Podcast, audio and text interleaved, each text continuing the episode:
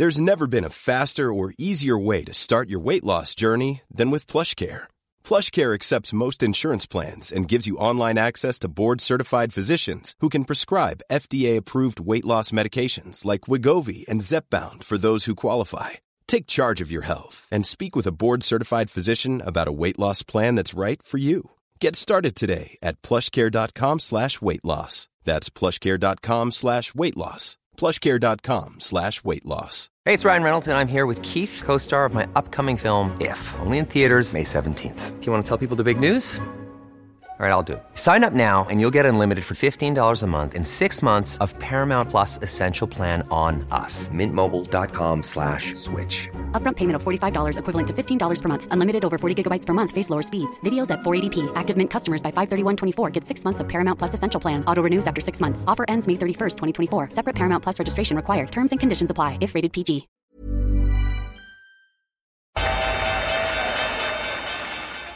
They mistook leverage for genius. Leverage for genius. I would recommend Japan. The governments don't rule the world.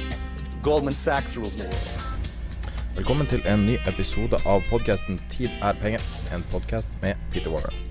Tror det er episode 45, men du får se i beskrivelsen for eh, mer informasjon. Også i beskrivelsen står det informasjon med linker ting vi har snakka om, og link til Facebook-gruppa der du kan eh, snakke med andre lyttere eh, av Tid er penger. Da er vi tilbake i gammelt, nytt studio. Er du Ja. fornøyd? Ja, veldig. Nytt utstyr. Altså Hvis du syns at det her høres veldig sånn crisp og vakker lyd, eller helt forferdelig, så det, det kan vi skylde på det nye utstyret. Eh, før vi starter, så kan jeg eh, introdusere vår partner i podkasten, som er IG Markets. IG er en nettmegler som spesialiserer seg på kanskje den litt mer aktive delen av finans. Og eh, jeg vil si at IG for, for norske investorer betyr trading. Og eh, du kan handle både med veldig mye avansert teknologi, du kan handle med algoritmer og, og diverse. Så ikke kan du også handle et, et bredt spekter av markeder. Du kan selvfølgelig kjøpe norske aksjer, utenlandske aksjer. Like lett å gå long som short. Og eh, du har eh, også eksotiske råvarer der, f.eks. appelsin, sukker. Du kan handle selvfølgelig valuta, statsobligasjoner, kryptovaluta og mer eller mindre alt som er mulig å handle i finans, er mulig å handle via IG.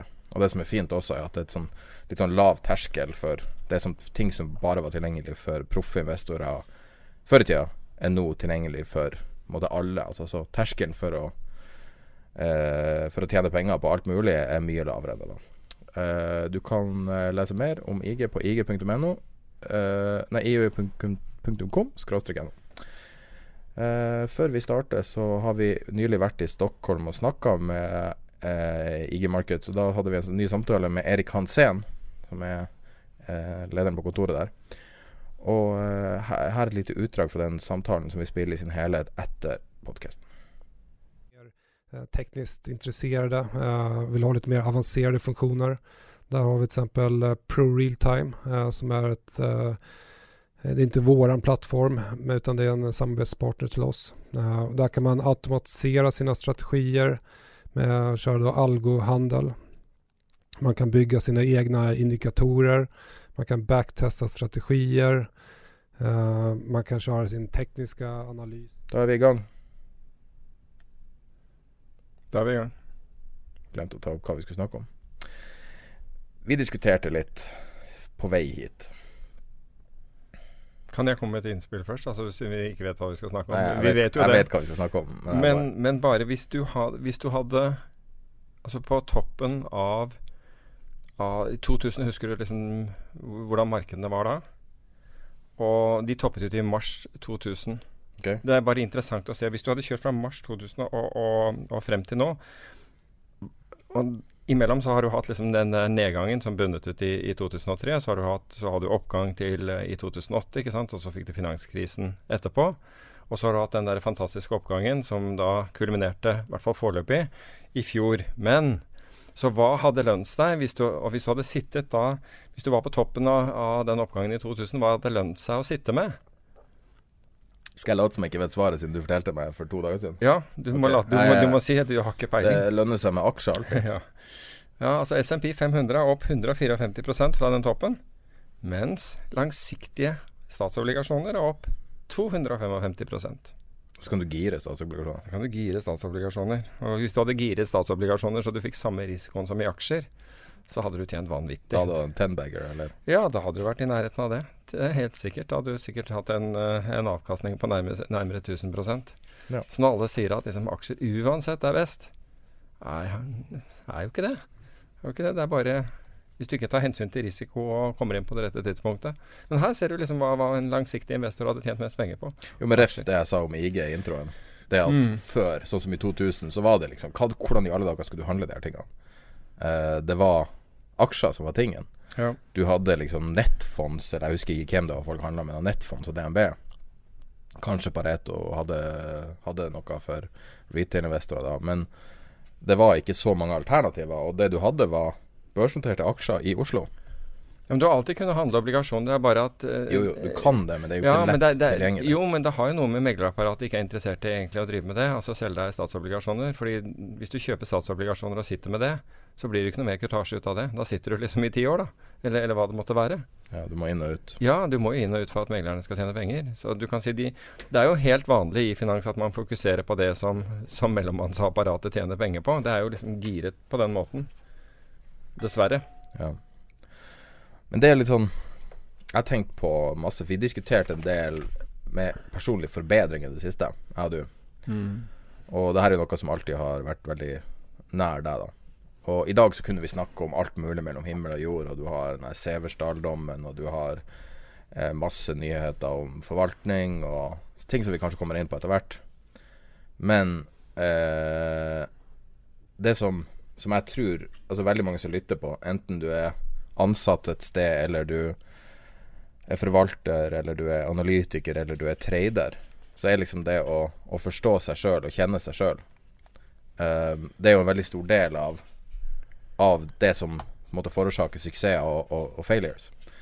Og så har vi jo snakka mye om, om det, og, og når, når alt kommer til alt Jeg har tenkt på det her det siste døgnet. Så tror jeg at å se på livet som en trade, eller som en trader, tror jeg gjør det lettere og, og bedre å klare å prestere. Det å klare å analysere i praksis Altså, se på trading, da. 60% av trader for et typisk sånn semiproffe kunder er, er bra. Altså, folk tar riktig valg, ca. 60 hvis du tar det. Det er en studie som, okay. som sier det. 60% av valgene er riktig, og likevel taper kundene on average penger. Ja. Fordi at det mest menneskelige på jorda er du begynner å tjene penger, og du er redd for å miste det tapet. Mm. Og så eh, kutter du vinnerne dine, og så rir du taperne fordi at Ja. du tenker 'Jeg har jo rett, så jeg skal snu det'. Ja. Det gjør vondt å ta tap. Men hvordan i alle dager unngår Altså hva For det her er noe du har alltid snakka om. Ja, altså hvordan unngår man å være en taper? Ja, ja, ja det, det, det er jo mange svar på det, men, men det morsomme var at jeg var i, i Bergen i forrige uke og snakket uh, på, på BI i, i Bergen, og så er det en som spør meg om, uh, om, jeg, trodde, om jeg trodde jeg hadde fått fordeler ut av, av uh, min karriere som soldat, som jeg brukte i, i, eh, i finans, i, i trading. Og ja, jeg tror det er fordeler ut ifra det sånn når det gjelder selvdisiplin.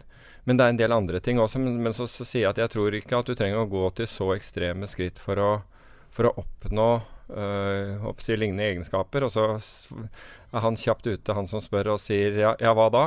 Jeg ble litt sånn der svar skyldig akkurat der og da. Men, men jeg tenker det som, som sånn at jeg syns jeg ser en stor forskjell, og det er mulig at dette blir bare delvis svar på det du spør om, men jeg syns jeg ser en veldig stor forskjell på folk, i, folk innen finans og fo- folk innenfor idrett. Hvis du ser eh, toppidrettsutøvere, så når de kommer på toppen av pallen, så jobber de enda hardere for å bli der. Fordi de ønsker å, å være der. Min erfaring er veldig ofte at når folk kommer på toppen av pallen innenfor la oss si trading eller investering, så føler de at dette var noe de hadde fortjent. Så nå, nå slutter de på en måte å trene, eh, tjene, og nå syns de egentlig at pengene fortjener å komme til dem. Og så begynner man å gjøre feil ut ifra det. Så jeg tror det er noe er den mentale innstillingen. Så svaret mitt egentlig til han som, som spurte i Bergen i, i forrige uke, vi, altså etter å ha reflektert over det, og det er altså hvis du, hvis du deltar i en form for konkurran konkurranseidrett, så tror jeg du får mye av den innstillingen. Og så er det det der å gå gjennom tøffe perioder, og det gjør du også helt sikkert i en konkurranseidrett. Det er de færreste som går rett opp og, og stiller seg på pallen, men de må jobbe seg og jobbe og jobbe seg oppover. Og det kommer nye teknikker, og det kommer nye, nytt utstyr og alt dette. Og det samme gjelder inn, innenfor finans. Men la oss ta et scenario, da. Eh, jeg kan si på, på meg Jeg er næringsdrivende, og ikke trader. Jeg har, har, det ikke i meg. Jeg er ikke en god trader. Jeg har trada, og jeg har tapt i alt jeg har gjort. Og jeg hadde eh, veldig distinkte calls som var riktige, der jeg tok riktige retninger. Men jeg klarte ikke å håndtere eh, den belastninga det var. Usikkerheten. Å sitte og være in the money. Mm. Og det er sannsynligvis noe jeg kanskje kunne ha jobba ut av meg. Men det ser jeg også i, i min, mitt daglige virke. Så ser jeg det som virkelig lammer meg, det er når jeg, når jeg har ikke en sure thing, men a, good thing, altså.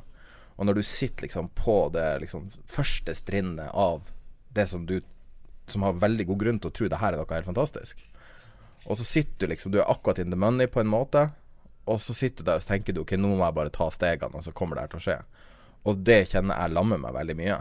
Og, det, og så har jeg lurt på hva det er for noe. Hva er det her, liksom? Frykten for å lykkes når du Og, og det tror jeg er akkurat det samme som tradere føler når de gjør noe riktig.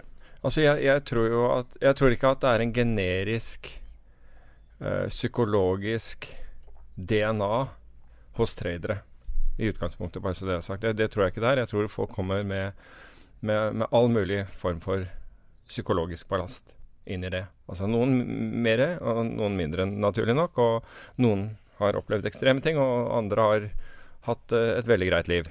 Men vi har alle egentlig en forskjellig DNA når, når vi nærmer oss. Du har de Altså det du øh, viser til deg, vil jeg si er, er de som øh, gjør det vi kaller selv, selvsabotasje. Altså på et eller annet tidspunkt Altså det begynner å gå bra. Men så føler de, akkurat som du, du sier, de føler at, på en måte at de ikke fortjener det. Og det kan være ting som har skjedd i livet deres tidligere, eller den oppfatningen de har av seg selv, men den er ofte forankret i, i noe som har skjedd uh, tidligere i livet. Og så saboterer de sin egen suksess. Og jeg har sett mange av dem, faktisk.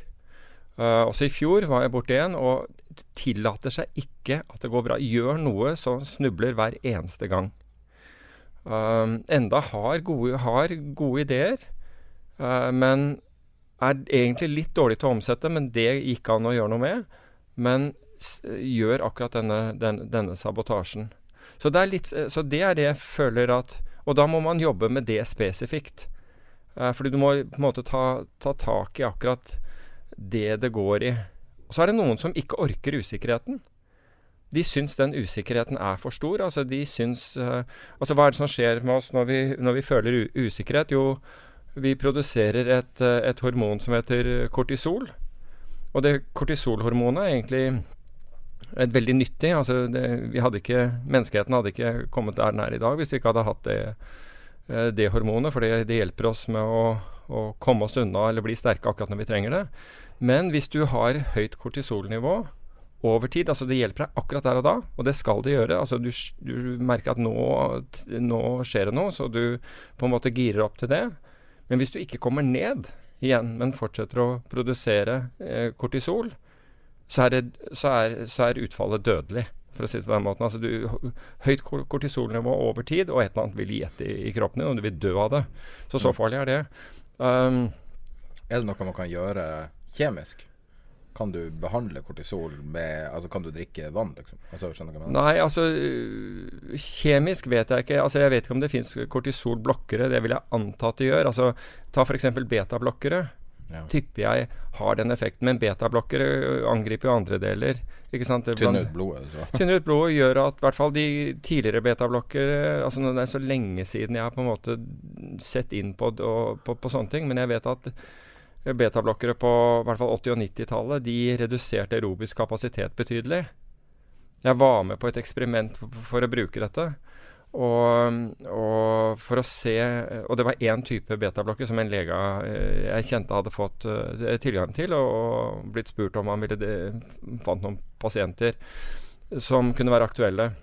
Og siden jeg gjorde mye uh, såkalte sånn Eller ble oppfattet høy, som høyrisikoting, ikke nødvendig at de var det, så skulle jeg prøve dette. Og jeg prøvde bl.a. med konkurransenerver. Altså prøv, prøvde med forskjellige idretter. Jeg prøvde med squash. Uh, og akkurat da spilte jeg mot, uh, mot uh, den gangen sjefen i DNB som het Borge Lent. Han var for øvrig mye bedre enn meg til å spille squash, det var den ene tingen. Men, men, det var da jeg merket hva, hva, som skjedde med den aerobiske kapasiteten. Jeg var så sliten, jeg visste ikke hvor Altså, jeg kunne knapt stå på beina. Jeg ble kjørt rundt den squashbanen til de grader. Så det var ingen suksess. Altså, det var den. Men så, så, så tok jeg det med meg til USA. Jeg skulle hoppe, hoppe fallskjerm tror det var like før jul eller like etter jul. Og fordi jeg, jo, jeg var jo redd for høyder. Og så skulle vi se liksom hvordan, hvordan føltes det da å, å, ta dette. Vil jeg liksom da være et helt annet sted? For, for min del, det ble dobbelt så ille. Jeg var aldri vært så redd for å hoppe ut av et fly noen gang som jeg hadde tatt det. Det var Jeg satt i det flyet, dette var i California, et sted som het uh, Paris På betablokker, da? På betablokker. Så utrolig mot Altså ja, kontraintuitivt. Ja, det, og jeg husker, jeg husker, til og med hva den der het. Den het Pronovan, men, mener jeg. Altså, ikke arrester meg hvis jeg husker feil, men, men jeg, jeg, hadde tatt dette før vi Jeg tror det er ikke det kokain? Nei, det, det, det, er det er, ja, det er definitivt ikke. Men da ville du vel følt deg som en verdensmester isteden. Men, men vi, vi Tabletter mot rødming, sier ja, Pronovane. Vi, vi, tok av, vi, vi, tok av med en, Det er mulig at jeg husker feil. Eh, Nei da, det er betablokk. Og det er det, ok Men, men det funker mot rødming, så ja, du ikke har så mye på. Nei, det var vel ikke akkurat det jeg var engstelig for sittende i et fly sammen med 40 andre. For det var en sånn gammel Dakota, eller DC3 som sivilutgave. Men du rødma ikke? Nei, jeg vet ikke. Det er kanskje ikke. Men i hvert fall, vi, vi, den brukte jo litt tid til, til, å komme opp til 14 000 fot. Jeg tror den fort brukte mm, halvtime på å komme opp dit. Og i løpet av den Altså, jeg hadde det så ubehagelig på vei opp. Og så sier en dessverre avdød venn av meg da, en amerikaner, som sier at vi skulle av på andre pass, altså andre overflyving. Droppe 20, og så vil den gå, så vil den sirkle rundt flyplassen, og så droppe 20 til. Eller resten av loadet. Og så sier han la oss gå bak og se, de, se liksom første gruppen hoppe ut. Og jeg sa vet du hva, jeg klarer ikke å reise meg opp før, før, det er liksom min tur. Det kan du bare glemme. Altså jeg blir sittende. Jeg satt helt oppe ved cockpit. Og når det da endelig var Altså på den overflyvingen da, hvor vi droppet uh, disse første 20, da kunne jeg huske hvordan og, og, og, ikke bare husket jeg, men jeg lengtet etter uh, varmeapparatet i leiebilen. Skjønner du? Altså både lyden og lukten da har du ganske skrudd på sanser i øyeblikket. Når liksom det er det derre Og bare jeg kan kjenne det igjen, så blir jeg, blir jeg fornøyd. Men jeg husker jeg gikk ned til døren når det var vår tur, og, og utspranget gikk, eh, gikk for så vidt greit. Men det er første gang hvor jeg har landet og fremdeles følt den altså ordentlig ubehag. Normalt sett så ble det der nøytralisert i luften når du landet, så var du så glad for å være tilbake på bakken at du fikk en sånn euforisk opplevelse. Det var det som gjorde at du satte navnet ditt ned for å, for å gå og gjøre et nytt hopp. Mm. Dessverre var det liksom to timer senere når du skulle opp og hoppe på nytt igjen, så var jo den euforien lagt seg, så du angret som en, som en hund. Men um, men den, det hadde helt motsatt virkning på meg. Det, det, det interessante med det du forteller, er jo at det her er akkurat sånn det føles. Det du beskriver nå, nesten skritt for skritt, er sånn det føles, tror jeg, for veldig mange, deriblant meg. Når man sitter med noe veldig bra, og så sitter man på startstreken, så er det en følelse av enorm nervøsitet, enormt ubehag. Fordi, og jeg tror det her er Altså teorien min, da, er, uten å ha noe data å støtte det, er at det her er et norsk fenomen. Fordi at i Norge så, så har man en generell skepsis f.eks. mot økonomisk vellykkethet. Sånn at man har alltid på en måte latterliggjort Kjell Inge Røkke. Kjell Inge Røkke har alltid vært symbolet på rik, rikmannen. mann. Og alt med han. Man har gått etter han i alle år sånn. I andre land så kan man hylle rike mennesker, mens i Norge så er det liksom ja, ja. en enorm naturlig skepsis mot enhver person som har lyk lyktes. Det eneste som er verre, er å arve penger. For ja. da er du liksom det Så jeg tror at det er noe norskt i det her, at man har en sånn medfødt dårlig samvittighet. Akkurat som en arvesynd. Altså jeg, jeg, oppfatter ikke at, at, folk innenfor finans generelt har den, må jeg si. Men, Kanskje det er derfor de er i finans? Ja, men, men, men det jeg, nei, tvert imot så opplever jeg at mange føler at uh, de fortjener alt de får. Uh, jeg tuller ikke, og det er selgere som ikke har peiling på hva de selger, og det kan være de verste drittproduktene som, som fins, men de føler allikevel at de fortjener de pengene. Altså Det er ikke et øyeblikk med samvittighet ute og går der. Så det er min oppfatning av det, dessverre. Men, jeg, ja, men tror du ikke det er litt sånn forskjell på en jo. som blir selger og en som blir trader? Uh, jo, det tror jeg. Det tror jeg. Absolutt, fordi den ene, ene får, en, altså får negativ PNL. Altså når du taper penger som trader, så taper du penger. Ja, det jeg mener. Ja, ja. Det, jeg tror det er en vesens forskjell i makeup mellom uh, altså DNA, om du vil. Og en person som mangler den der skyldfølelsen, vil kanskje enten klare å blokke det i salg, eller naturlig gravitere på en salg. Ja, så jeg tror eh, Ja, altså du, du, kalles vel noe annet innenfor psykologien, men det, det er greit nok. Vi, det er vel et annet stempel man har for, for folk som, som, på en måte ikke bryr seg om Ikke har empati og, og uh, bryr seg kun om seg selv. Altså For å, for å ta liksom et skuespillsett, da. Så hvis du har eh, en skribent og en, en uh, skuespiller, så har du Skribenten er ofte veldig eh, Kanskje veldig sånn nevrotisk av seg. og og veldig bevisst på alle mulige tanker. Også har veldig mye å si, fordi at mm. hele jobben hans er å si noe. Altså finne på ting. Mm. Men skuespilleren klarer å få andre sine ting til å se fantastisk ut. Men når du setter en mikrofon foran dem, og så sier du ja, hva du syns om noe, så har de ingenting å si. Altså Generelt, intervjuer med, med skuespillere er alltid dølt. Ja, men de kan gå inn i roller. Altså det, min, ja, min erfaring med det er at de switcher. Selgeren er skuespilleren, ja. mens traderen er skribenten. Den personen som er Sånn at å høre en, et intervju med en trader er alltid interessant. De har mm. alltid rare perspektiver på ja. ting. Men å intervjue med en selger, altså det skal mye til for at det er interessant. Ja, altså Det er min oppfatning for så vidt også. Fordi eh, altså de altså tradere som jeg syns er, er, er, eh, og har vært flinke, er, er, er interessante personer. Jeg syns det. Jeg synes og samvittighetsfulle og sånn. Ja, men jeg syns de er superinteressante personer fordi de har, som du nevnte, de har uh, vinklinger som du ikke har tenkt på. Det er jo nettopp det. Altså Det gjelder jo forvaltere også. Og spesielt hedgefondforvaltere som da ikke bare kan lene seg på at et aksjemarked stiger, eh, men skal da prøve å gjøre noe unikt ut av det, de har jo mye De er mye mer reflektert generelt, altså, mm. Eh, og har mye mer ideer. Men tilbake til det, til det der. Jeg tror altså det er mulig at betablokker kunne hjulpet til det, men, men det, altså jeg har ingen kompetanse til å si det. fordi eh, Medisinsk kompetanse til å si at betablokker hjelper på det. De, altså, en lege vil nok si at angstdempende er bedre. ja, ja, men, men Det er jo ikke en løsning, det heller. Ja, det kan godt hende. Det kan godt hende. Men jeg kan ikke nok om, om disse psykofarmikaene til til å mene noe uh, om det. Men det, det, jeg kan si, det er jo at, at hvis Altså, når du, når du setter deg altså, jeg kan også føle på frykt, for all del. Jeg har følt på mye frykt. Uh, men det hadde også perioder hvor liksom jeg kunne føle frykt ved, ved, å, ved å ta handler som var helt irrasjonell. Altså Handelen var ikke stor nok til å egentlig kunne påvirke noe som helst. Du hadde stopplåser, alt var på plass. Så dette kunne egentlig ikke skade deg i noe særlig grad. Men allikevel så hadde du Så følte du frykt. Og da måtte jeg liksom Hva er det, hva er det som egentlig foregår da? Jo, det er jo selvfølgelig kortisolproduksjon. Du, kroppen er stresset. Det vil si at det er Altså enten er det hjernen som sender signal til kroppen, eller så er det kroppen som Fordi det er også mulig. Kroppen kan sende det signalet til hjernen. Og da må man tenke på er, hvordan, hvordan, er man når man er stresset, uh, kontra hvordan er man når man er i den situasjonen man ønsker å være i, kall det være i sonen. Og Hvis du da tenker på hvordan er jeg når jeg er stresset, jo, sånn, altså i det så ligger det at jeg uh, puster uh, fort. Jeg spenner muskulatur. Um, og det kan godt hende at jeg er litt ukonsentrert også, men hvis du bare tar de to tingene, ok, la meg reversere de tingene. La meg reversere, begynne med pusten med å roe ned pusten min, gjøre den rytmisk. Altså Hvis du rytmisk puster i tre minutter, så endrer perspektivet ditt seg. Hvorfor? Jo, fordi istedenfor at du er i en sånn krisesituasjon, altså at uh, på en måte uh, hjernesignalene dine fyres i et, i et, lite senter som heter amygdala, som enten betyr at du, du, kjemper, stikker, eller i verste fall fryser, altså ikke klarer å gjøre noe som helst, um, så får du da signalet til å gå til uh, frontallappen, hvor hvor eh, rasjonell atferd foregår, og hvor, kan, hvor altså kognitive beslutninger kan tas. Så det første er å egentlig å få pustet dette, pustet dette, ned, slik at du får signalet til andre deler av hjernen. Og når du har gjort det, så kan du, kan du gjøre en liten sånn sjekk på kroppen din. Er jeg spent? Er jeg, det første du kjenner det på, er skuldrene. Er skuldrene mine høye, eller kan jeg slippe de ned? Og du vil være forbauset Hvor mye du kan slippe ned skuldrene. Altså Hvis du har spenning i skuldrene, så detter skuldrene dine lett med et par centimeter. Bare på bevisstheten rundt det. Og hvis du da går igjennom og kjenner liksom på, på kroppen, så vil du også merke at denne uroen går bort.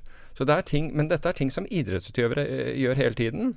Regulerer spenningen. Du kan regulere spenning opp, og du kan regulere den ned. Begge, begge deler kan være viktige til tider å gjøre. Men begge deler er, er, er mulig. Og jeg tror at my mye mer sånne ting så Det er klart at hvis du sitter og så bokstavelig talt rytmisk pusting når du kjenner at du mister kontrollen. Liksom. Ja, absolutt. I en hvilken som helst situasjon. Hva Altså, med mat og drikke og sånn? Altså, Ja, altså, ikke er- drikke alkohol, f.eks. Ja, altså alkohol er jo øh, sløver deg. Men, men ta f.eks. hvis du filter kaffe, da. Hvis du drikker flere kopper filterkaffe altså den, Filterkaffe inneholder mer koffein enn f.eks. En, en espresso. Mm. Og hvorfor? Jo, fordi, øh, fordi vannet blir liggende i kaffen lenger og trekke ut koffeinet. Så det er klart at øh, filterkaffe altså, vil jo bidra til å jage deg opp. Øke kroppstemperaturen din og gjøre mange sånne ting. ikke sant? Og er kortsiktig. Jeg ville Hvis du skal gå lenger, så vil jeg være forsiktig med, med, med sånne korte s- sukkerkick. Altså spise en banan. Ok, du får opp energien din der og da, men det er ikke varig. Hvis du skal ha, hvis du skal ha brennstoff som på en måte varer over tid, så spis noen kornprodukter eller nøtter eller et eller annet sånt. Mm. Altså det er mange ting du kan gjøre som små endringer som over tid vil ha store utgjøre store forskjeller. Og hvis du målte PNL-en din, altså øh, avkastningen din, så vil du se at, at altså i to grafer så vil du se at når du har, gjør disse endringene, som er små i det daglige, så over tid så betyr det enormt. Har du forsøkt å Jeg regner med at du er på Strava eller noe sånt? Uh, det vet jeg ikke hva er, men Ja, sånn der uh, fi, En eller annen fitnessmåling. Å ja, nei, altså jeg bruker pulsmåler når jeg, jeg trener. Det gjør ja, men har men du 24 timer i døgnet eh, sånn overvåking på det? Nei. Jeg, jeg gikk med 24 timers hjertemåling her forleden, men det, det er ikke det samme. Det er ingenting galt. Det var, bare- det var bare sånn standard Rutine. Ja. for en mann over 29. Altså. uh, men tror du det hadde vært verdt å forsøke å måle aktivitetsnivået en måned mot pionéren? Så høyere aktivitetsnivå gjør at du klarer å kvitte deg med reststoffer som gjør at du klarer å være mer på en måte, sånn avbalansert så, og så få bedre resultater. Jeg er ikke sikker på at øhm, Det er verdt å prøve, da. Ja, men du kan si at uh, det betinger at du gjør veldig mange handler.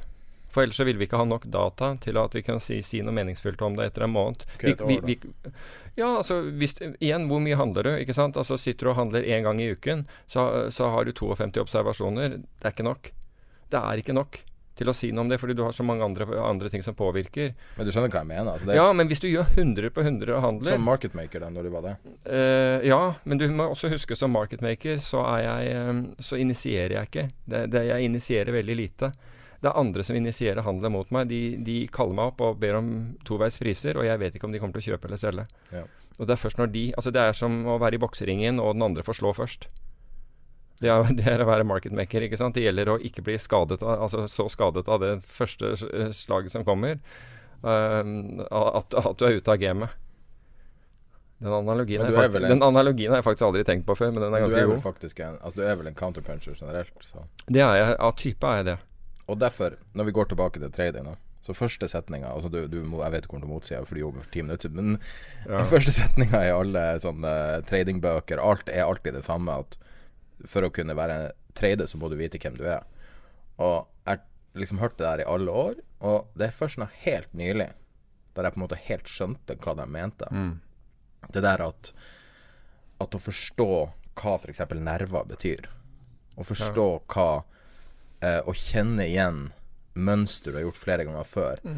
Og ofte så kan det jo være altså, du, du, du tjener penger på det, men du klarte ikke å maksimere tjeninga. Det er ofte Det er vel det det dreier seg om. da Så jeg er blitt opptatt av ikke bare liksom de her store tankene om hvordan man skal gjøre, men også da å klare å få mest mulig ut av hver ting man gjør. Og jeg tror veldig mange lyttere er interessert i akkurat det, å maksimere potensialet. Ja, men for eksempel ehm, Hvis du trader over tid, så vil du definitivt komme utenfor komfortsonen din. Noe vil skje som putter deg langt utenfor komfortsonen din. Ehm, jeg tror det er en fordel å ha vært utenfor komfortsonen sin før. Og at man vet hvordan man reagerer i det. Hvor, altså bli kjent med den delen av, av, psyken din som du ikke har, egentlig har lyst til å bli kjent med. Det tror jeg er en fordel.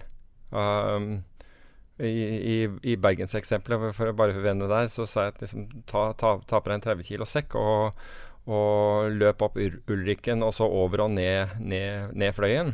Og når du kommer dit, så er du sikkert endelig det er ganske langt over der. Det er ganske, det er ganske topografisk, for å si det på den måten. Fordi du, du har flere du har, altså Først opp Ulriken, det fjellet, og så har du en sånn dipp på baksiden der og forbi tror jeg, et annet vann, og så får du en ny klatring, og så skal du over, og så skal du ned og får beina dine slått i filler på vei nedover òg.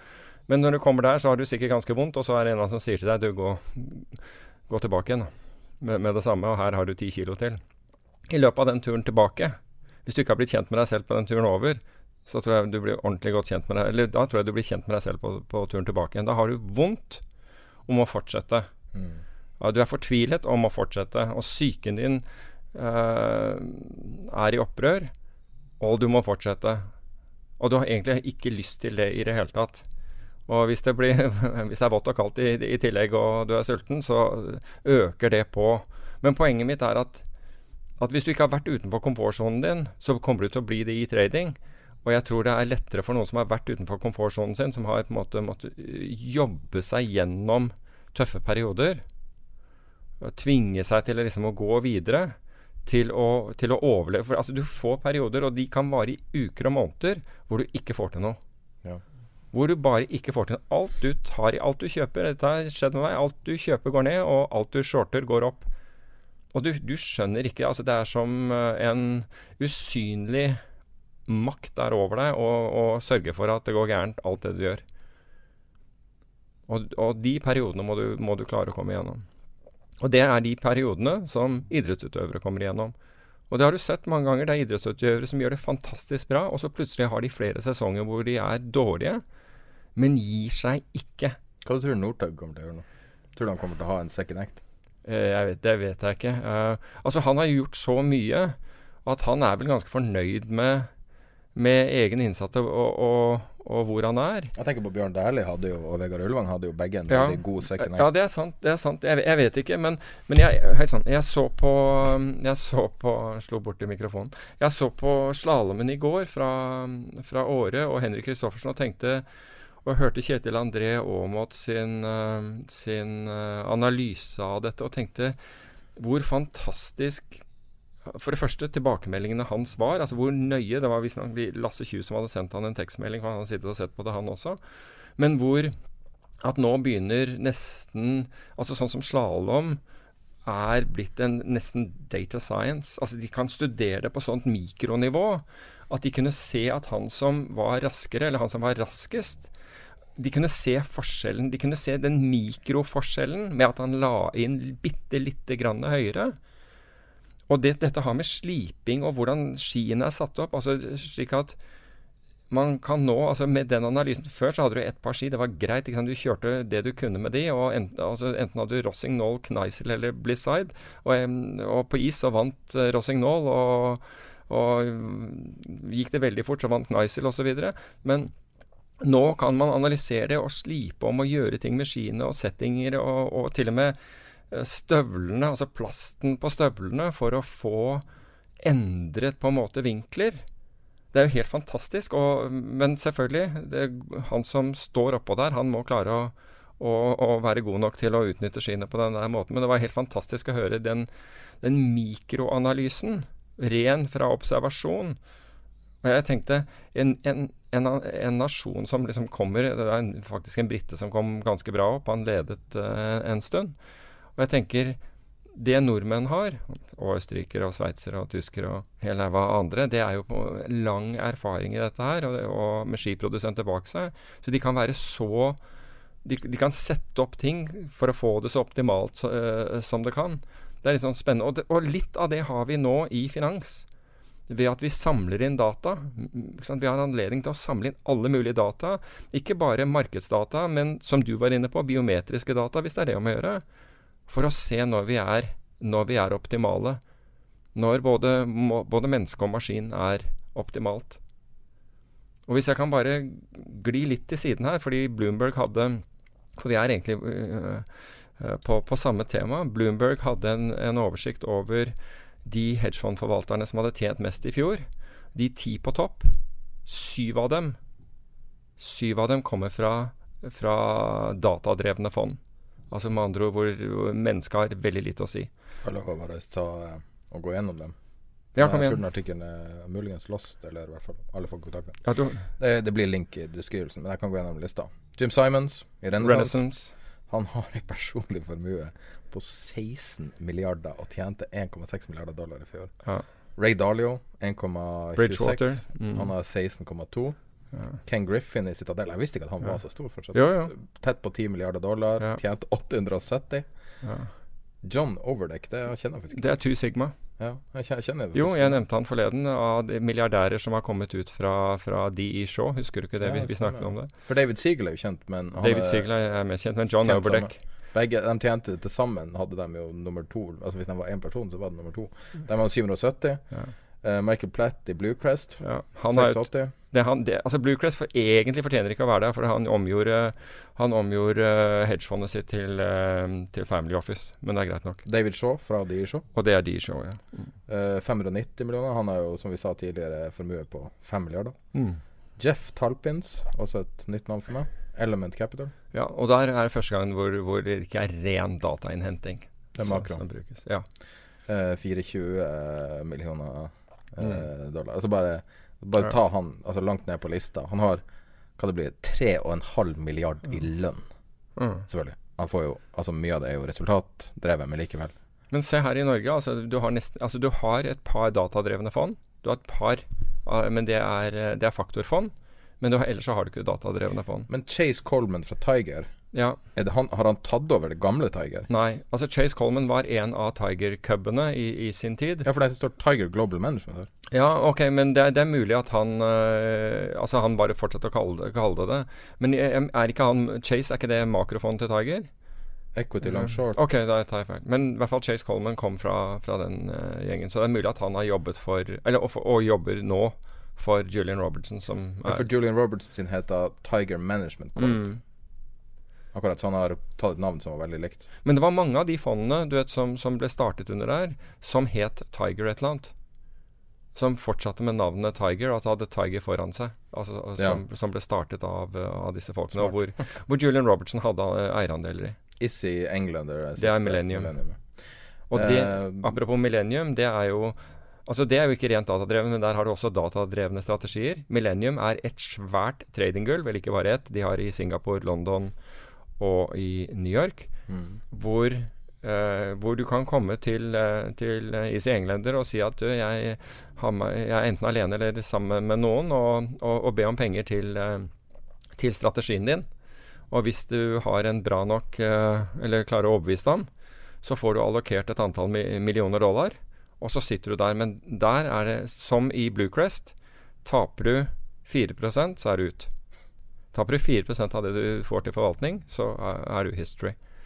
Men det jeg ikke skjønner altså Millennium, altså den modellen har virket i så mange år, og de, de gir en fantastisk diversifisering. Der har du folk som sitter kun med energiaksjer. ikke sant, Long short i, en, i energi. Du har, du har, rene datadrevne fond. Du har valutatradere alle har sine på en måte egne desker, eller sitter eh, for, seg, eh, for, seg, selv gjør du ikke fordi du sitter på lange dealingbord, men du har ingenting egentlig med det naboen driver med. Du konsentrerer deg kun om ditt.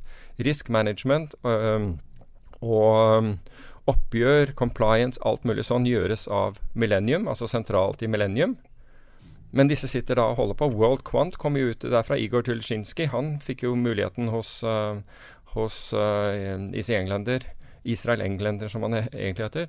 Um, men, men, poenget er at um, jeg spurte en gang Yngve Slyngstad hvorfor han de ikke vurderte å gjøre noe sånt nå. fordi alle har jo snakket om at oljefondet skal gjøre norske forvaltningsbransjen Altså bidra til å gjøre den bedre. Og svaret der var at de hadde rett og slett ikke råd til at noen gjorde det kjempebra. For dette var jo etter den der East Capital-greiene hvor de hadde betalt Hvor noen hadde gjort det Et av de fondene de investerte i, hadde gjort det så bra.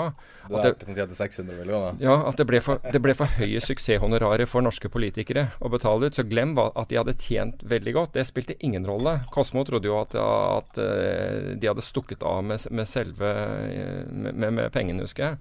Jørgen Kosmo hadde jo den, kom med den kommentaren. Det ville jo ikke bli noe penger igjen hvis man betalte ut så mye. Det går tilbake til den norske greia. Det er Ja, ja. ikke lov å lykkes. Jo, nei, det er ikke lov å lykkes, men, eh, men, men at ikke f.eks. Altså DNB, som se eh, Som prøver å være fremoverlent inn, både innenfor uh, data og innenfor forvaltning, da, data med å kalle seg et, uh, en, en teknologibedrift fremfor en bank. uh, og, og og forvaltning med å senke honorarene. At ikke de setter opp et sånt, setter opp et sånt gulv. Det er også, eh, altså De ville ha muligheten til, til å gjøre noe sånt nå. Og det kunne for så vidt Storbrann. Storbrann har vel til en viss grad, men ikke Altså med ingen- ingenting Skagen-miljøet og Ingenting er uavhengig. Eh, Men, men å ha et sånne uavhengige sitt satellitter sittende der, hvor du har fullstendig kontroll over det du, det de gjør, for du ser alle handler. Du har din egen compliance som passer på dem, du har din egen oppgjør som passer på dem. Og hvis, eh, du kan si at så lenge du har eh, strenge regler, så er det ingen som kan tape liksom, skjorta. Tape mye for deg. Så du sier OK, du, du får ikke til det du, du driver med. Takk for deg. Og inn med en ny. Uh, uh, Millennium Da er blir det en alfagård, liksom. Du skal Ja. farme alfa. Ja. Norwegian Ja. alfa farming. Ja, men, ja. men Millennium altså de, du. Millennium køller altså de, de, de tar ut de, de 10% dårligste uansett. De, altså Er du blant de dårligste, så må du slutte. Selv om du har levert positiv avkastning. ok? Så Ja, men kunne, altså kunne man ha gjort sånn at At oljefondet var enten La oss, la oss si nå skal de slutte med eiendom, f.eks. Så la oss si at oljefondet jeg skal ikke slutte med det. De har bare overført det fra Norges Bank til, eh, til, eh, til fondet. De helt obviously går ut av eiendom uansett, altså om de holder på eiendommene med tap Mm. eller ikke. Og sånn. Men de går bort fra det som fokusområde. La oss si at de er på, på toppen som en slags sånn rådgiver Eller pengebevilger. Ja, en, Ja. altså noe av, av kapitalen kommer fra oljefondet, og noe Mm. kommer fra eksterne, og noe er forvalterne Ja. sine egne. Og så har du ei gruppe under, som er f.eks. Sånn, altså sånn altså privat sektor. Og så har du nederst så har du kanskje 500 eh, potensielle. Ja. Er det, er det sånn du ser for deg? Ja, altså du, du, kunne, altså du kan si at oljefondet Vi kunne jo bare satt av et, eh, et tradinggulv.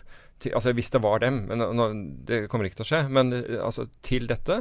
Og brukt sin egen. ikke sant? For å finne da altså Da vil du stadig ha nyvinning. Ja, finne alfa, rett og slett. Ja, Altså altså Da vil du stadig ha folk som ville forsøke å finne Finne måter å tjene penger i markedene på. ikke sant? Du, antageligvis veldig mye uh, Hva heter data scientist på, på norsk? Tror ikke det er et navn.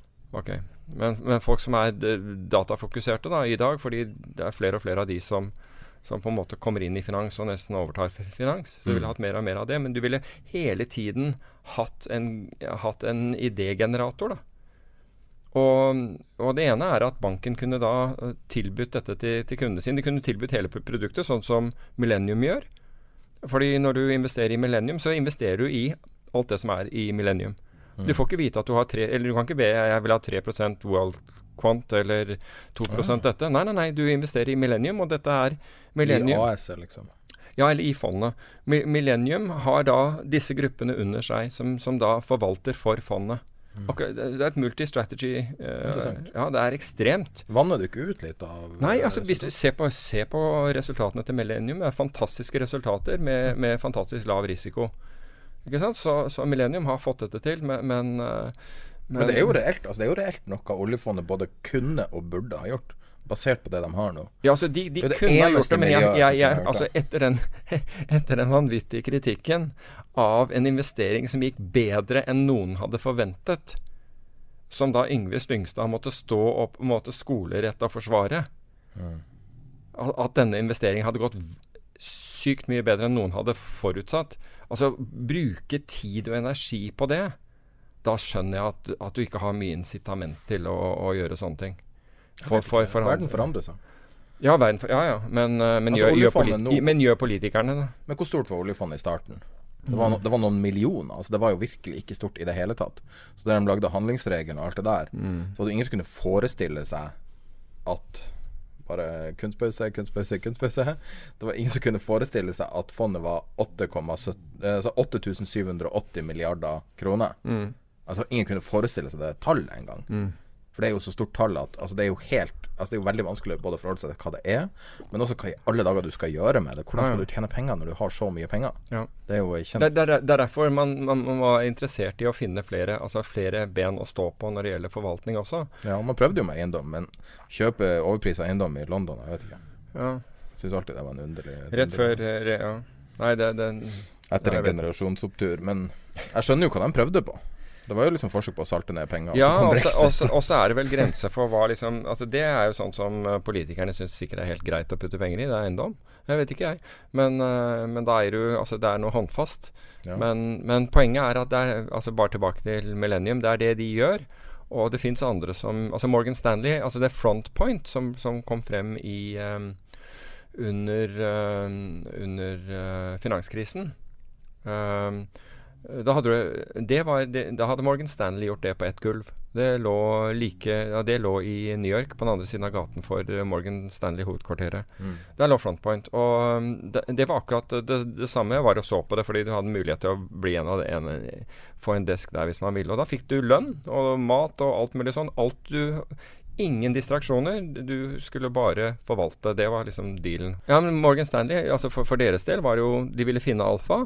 De, det var kurtasjer. Altså de fikk, eh, de, de fikk innsyn i, eh, i, strategier. Så det er, det vinn-vinn-situasjon for, for, en sånn sponsor, forutsatt at de har at de er i stand til å, å, vurdere, altså å holde øye med risiko. Men det er jo disse profesjonelle aktørene. Holde øye med risikoen og, og, og, og oppgjør. Og det, alt det der har de jo fra før. Ja. Så det er egentlig bare å, å utnytte de ressursene man har fra før. Hvis jeg Men vi, vi fikk aldri avrunda starten. Ei setning. Hvis jeg som trader, eller meg som næringsdrivende, eller meg som bare menneske, har lyst til å be bedre avgjørelser, ja. er det å kontrollere følelsene sine gjennom pust og sånne ting? Ja, altså jeg, det er den enkleste måten, i hvert fall. Det er absolutt den enkleste. Altså, hva er det du kan gjøre som ikke koster deg masse penger og, og, og tid, og, og, som vil veldig raskt få, få uh, påvirke resultater, det er det. Mm. det er, Jogge seg en tur også. Hva sier du? Jogge seg en tur også. Jeg finner at altså, Men det er sikkert at jeg da løper for fort. Okay. Det er mye bedre at jeg går tur. Går, altså jeg kan gå fort og gå langt, og det er kjempebra. Da, da, da fungerer hodet veldig bra. Men med en gang jeg begynner å løpe, så tenderer jeg til å løpe sånn at, at jeg at etter hvert begynner jeg å fokusere på smerten ved det. Og, ja. så, så, løping Det er jo de som kan, for all del. er de som kan, Men jeg klarer ikke å løpe sakte nok til at jeg har det behagelig. Og, og få den på en måte mentale inspirasjonen. Mm. Um, det, men jeg kan gå skitur. Det er kjempebra ja. å gjøre det med. Nei, Jeg ville bare ha det veldig sånn konkret, for det er veldig sjelden at du får konkrete tips. Så Nei, ja. ideen er å ja, samle det noe i setning, liksom. Ja, men, men eh, altså, rytmisk pusting det hjelper i alt. Altså, det hjelper hvis du er redd, sint, uansett hva det er, til, til å måte Til at hjernen din kobles inn. Ja.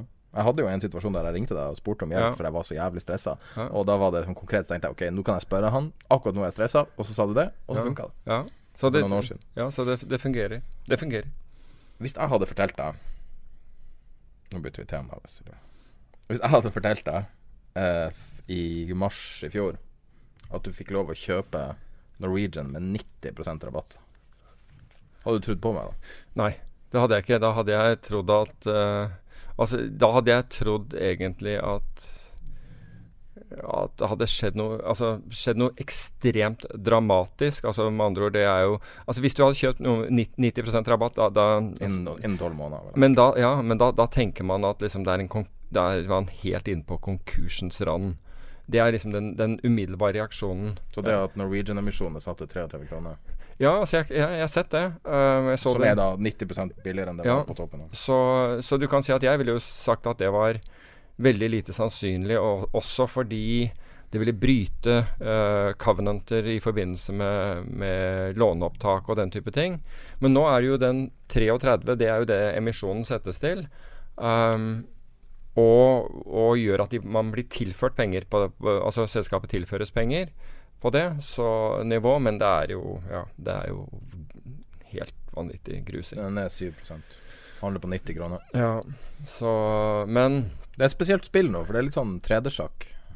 Ja, mulig, men det jeg tenker på, er at uh, altså disse som da var villige til å garantere for emisjonen, de ville så lavt ned før de sa ja, ok, vi, vi er villige til det. Og, fordi de har jo da ikke tenkt å ta på seg noe risiko. Sannsynlig har de egentlig tenkt bare å få Altså Enten får de selskapet ekstremt billig, muligens. Altså billig, alt er relativt.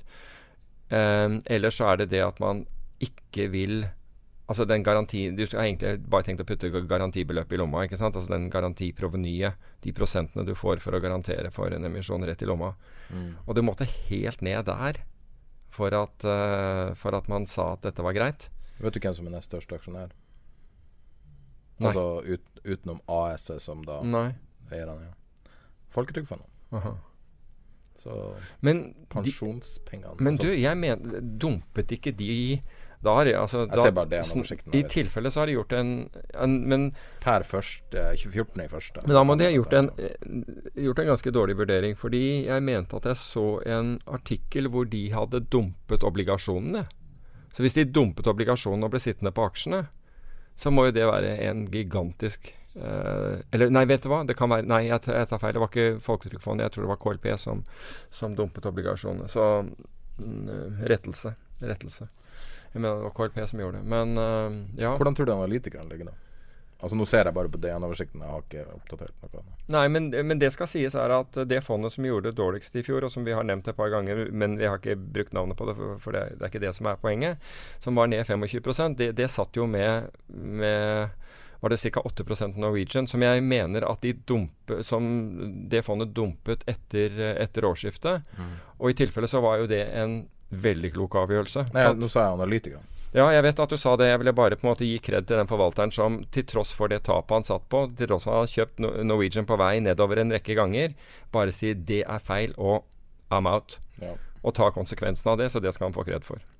Uh, analytikerne Det er uh, perfekt spredning. 2, ja, 7, dansk, 2. Danske, altså danske gikk fra å være en av de mest bullishe og snudde, men de snudde langt oppi der. altså Det er lenge siden de snudde, og de snudde på, på mye høyere nivåer. Så de skal også få kred mm. for, for, det, og hva de andre Det er veldig vanskelig å være analytiker og, og, og um, salgsanbefale en sånn aksje. Altså jeg, når du har på en måte fondene dine har investert i det, altså på, på basis av, av analytik, altså egne analytikeres Ja, altså Danske Bank er jo investert ganske tungt. Ja, Danske Bank og, og danske fond var investert i der. Og så, så snur de rundt, og så sier de vet du hva, dumt dette her. Og altså Jeg syns at det er en bold move. Altså, det det syns jeg Det står respekt av. Ja. Og når, når, du sier at Danske Bank sitter og holder mye uh, aksjer, gjør det altså, det? den oppdateringa av FF14 ja, men altså, Jo, men altså, vi, enda, altså, Det i tilfelle viser at analytikerne der er, jobber uavhengig. Det er fantastisk. Så i tilfelle så kred til de. Men analytikerne er det to kjøpsanbefalinger. Det er litt kjedelig å være her den. Det er ja. syv holdanbefalinger og to salgsanbefalinger. Ja, jeg lurer på hva, hvilket nivå de kjøpsanbefalingene var på, for de var ikke her. Altså, det kan jeg fortelle deg. De, der har du sittet hele veien, altså, antageligvis. Men er det her tidspunktet å være kontrær på Norwegian, da? Eller er bare det svarte natta? Kommer an på. Altså Sånn hvis aksjen handles for 90 kroner jeg kan få kjøpt den på 33, så føler jeg ikke at jeg er veldig kontrær hvis jeg går lang på 33. Det er en, en annen sak. Men uh, da føler jeg at uh, da, da, altså, Og det får du helt sikkert ikke gjort heller. Annet enn de som garanterer for det. Um, altså, hvis Jon Fredriksen får Norwegian-aksjer for 33 kroner, så kan han, han ikke tape penger. Altså. Nei, det kan godt hende. Og det, det, er mulig at altså, Men hvilken vurdering han, han, gjør på det, det vet jeg ikke. Men jeg, ikke, men jeg ville veldig gjerne se at, at uh, Norwegian lykkes. Jeg har en kognitiv bias og i, i hva heter det? Tendens, vil jeg det det uttrykket. Men altså i favør av, av, Norwegian, så jeg vil veldig gjerne at Norwegian overlever. Sitter jeg med aksjer i Norwegian? Nei, jeg gjør ikke det. Nei. jeg begynte å fly bare SAS. Ja, du nevnte det. Uh, men nå går vi, vi tabben med en gang og begynner ja. snakke om flyet. jo, ja, ikke sant. Men, men jeg har en sånn kognitiv For jeg, altså, jeg, jeg liker Bjørn Kjos. Um, Syns han har gjort veldig mye bra for norsk luftfart. Um, og, og, og liker selskapet hans, altså sånn å fly med og på annen måte. Um, og det er jeg farget av. Jeg tror instinktivt at de kommer til å overleve greit. Fordi at de er litt sånn hustlere av natur. Og at det her er Hvis det er en person som klarer å ro en sånn som kommer seg gjennom en sånn her storm, ri stormen, eller hva det heter, Mm. så må det være en sånn som Bjørn Kjos. Og det dumme er jo at han har mista CFO-en sin, han som var med hele veien, for jeg tror Vet du hvor han har gått, da? Hmm? Vet du hvor han har gått? Har vi snakka om det? Han er sjef for Qatar Airways. Ja, det var det. Har vi snakka Ja. om det allerede? Men de har jo problemer så, selv. Så Ja, men altså, hvordan flyselskap har ikke problemer? Ja, men de har problemer pga. embargoen, altså som eh, Ja. ble satt i gang av uh, Og det er ramma av det. Hva? det er. Ja, ja, de kan jo ikke lande i de, i de fleste emiratene. Altså, Oman kan de komme ned i, men Dubai kan de ikke, og de andre i, i nærheten. Ja. Men det er litt sånn, ja. Nei um, Det var én ting som du nevnte før, så jeg nevne hvem det gjelder.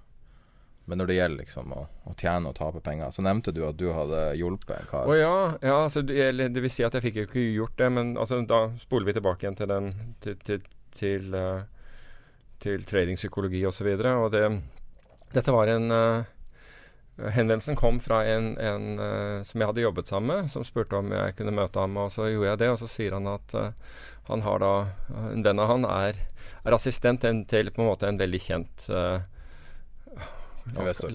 Ja, la oss kalle han investor.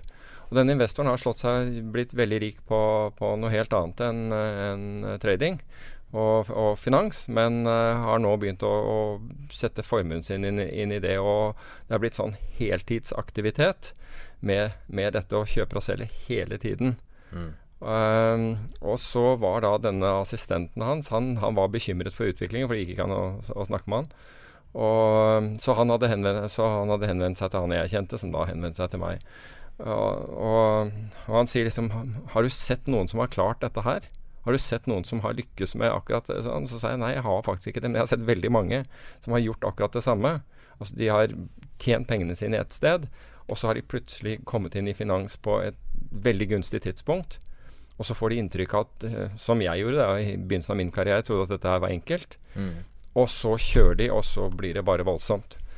Og så, um, så jeg sa at eh, hvert fall Vi hadde den, samtalen, og han da eh, fløy tilbake til der hvor eh, de bodde, og fortalte han her der, og han, han eh, assistenten dette her, og assistenten Men det gikk og, og tilbakemeldingen neste gang jeg traff ham, var at det var helt umulig. Det var helt umulig å trenge igjennom på, med, med, med, med disse argumentene.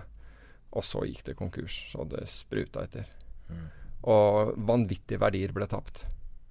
Um, og jeg, jeg tror det, der, det er noe som Altså, noen er slik at når det går bra, så får de denne rusen og tror at samtidig at de er helt ufeilbarlige. Det spiller ingen rolle om du har uh, om du har uh, slått deg opp som, uh, som snekker eller et eller annet. Du har tjent alle pengene dine, men du har tjent pengene dine på å være kjempeflink i ett yrke. Og så plutselig er du helt overbevist om at du kan alt. Mm. Og det har jeg sett så mange ganger i, i finans, men jeg har aldri sett det gå bra.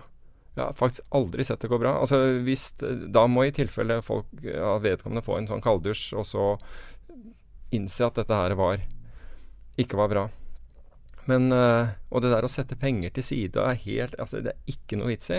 Det er bare å kjøre på, fordi man er helt overbevist om sine egne ferdigheter og, og, og evner. Mm. Og, og dessverre så Og det er veldig, det er veldig trist, fordi eh, altså, Norge trenger jo Det er veldig ålreit å, å ha sånn Askeladden-historier. Altså det, er, det er bra for økonomien generelt å ha det. At folk øyner håp og ser at noen som jobber og, og finner på noe som ingen har tenkt på, eh, klarer å, å på en måte skape noe virkelig verdifullt. Og, og, og at det ikke settes over evne. Og da er det veldig trist når det, når, når det skjer.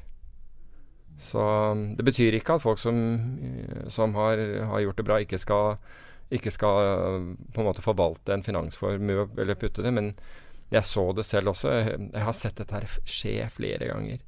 Mm. Og noen ganger så ansetter de folk til å, å gjøre det for seg, og veldig ofte så, så, så er det noen som aldri har håndtert risiko. Det er, det er gjerne en selger eller et sånt som da plutselig begynner å håndtere dette her. Og vi satt i et kontorfellesskap en, en kort uh, periode hvor vi hadde overtatt et, uh, et, annet selskap, og de hadde leid, subleid ut til, uh, til, en, til, en, person. Og vedkommende har vært selger i et, i et meglerhus og har satt da forvaltet formuen til, til en, en, kjent norsk familie. Og også det fullst, og bare kjøpte unoterte spekulative aksjer, som selvfølgelig gikk helt på trynet. Det er eh, altså Hvis du først skal ha noen til å forvalte formuen din, så, så kan det jo være greit å ha, enten ha noen som har erfaring med, med det, uh, eller som i hvert fall ved, har håndtert risiko før. Mm. Men det er ikke sånn. altså Det er veldig lett å og det, det, gjelder også ja, jeg kan, vet, Mer jeg snakker, det flere sånne tilfeller kommer jeg på. Mm. skjedde et par steder opp over Vestlandet også. Eh, ble gitt til en eller annen, en eller annen i bedriften, fikk da, begynte da å forvalte, som ikke hadde noe peiling, var en eller annen eh, var økonomiansvarlig i bedriften, plutselig begynner å, å holde på i finans. Og kjører vanvittige spekulasjoner og går over ende. Og meglere lukter jo blod i vannet med en gang, karene her. Ja, ja, de, ja, det gjør de hundrevis av millioner i kurasje. ja, det, det, kan du regne med at du får. ikke sant? Det er jo bare å holde det i gang. Men, men, men, meglere altså ved, ved, ved, noen anledninger så var det jo akkurat det. Altså, de var jo ikke mer lojale enn at de fortalte om, om altså ville fortelle oss om, om, galskapen som foregikk der ute. Og de visste at det der aldri ville gå, gå lenge. Men altså, de, de seriøse meglerfirmaene, der er det nok en helt annen standard. Ja. Jeg føler at det, ting er mer seriøst nå enn det var bare for ti år siden. Altså. Du har en del sånne jalla, sånne småselskaper som gjør ting og havner i aviser og alt mulig, men at det er sånn on the whole er bedre enn det var. Jeg tror det er strammet inn, og Mifid 2 og en del andre ting har gjort at det har strammet inn. Men så, så leser du plutselig om ting altså hvor, hvor eldre mennesker har blitt lurt. Um, og dette har pågått i, i ti år. Mm. Ja, den er i dag, ja, f.eks. Ja, så, så du har, har, sånne, og um, Men ta, ta eksempel um, uh, den Altså, du nevnte den innledningsvis, den Seversdal Pareto Crew Gold, var det vel, saken. Mm. Hvor, uh, hvor, investorene, altså hvor kundene til Pareto går til, til Finanstilsynet, som ikke gidder å, å, gjøre noe med dette her.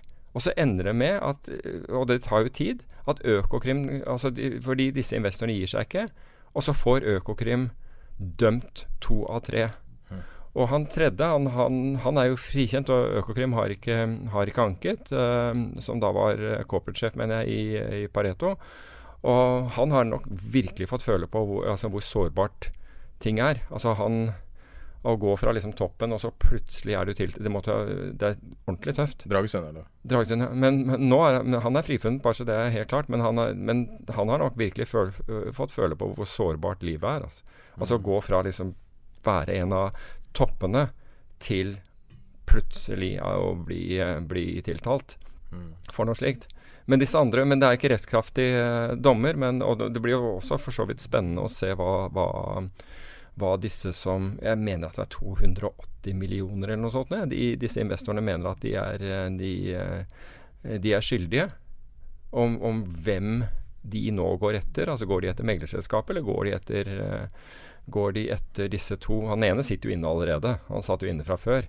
Um, og, og, så har du denne megleren som ble dømt. Men nå må hele greia kjøres i, i retten på nytt igjen, tenker jeg. Så men for uh, Dragsund så er han i hvert fall uh, heldigvis ute av det, fordi um, det blir ikke anket mot ham.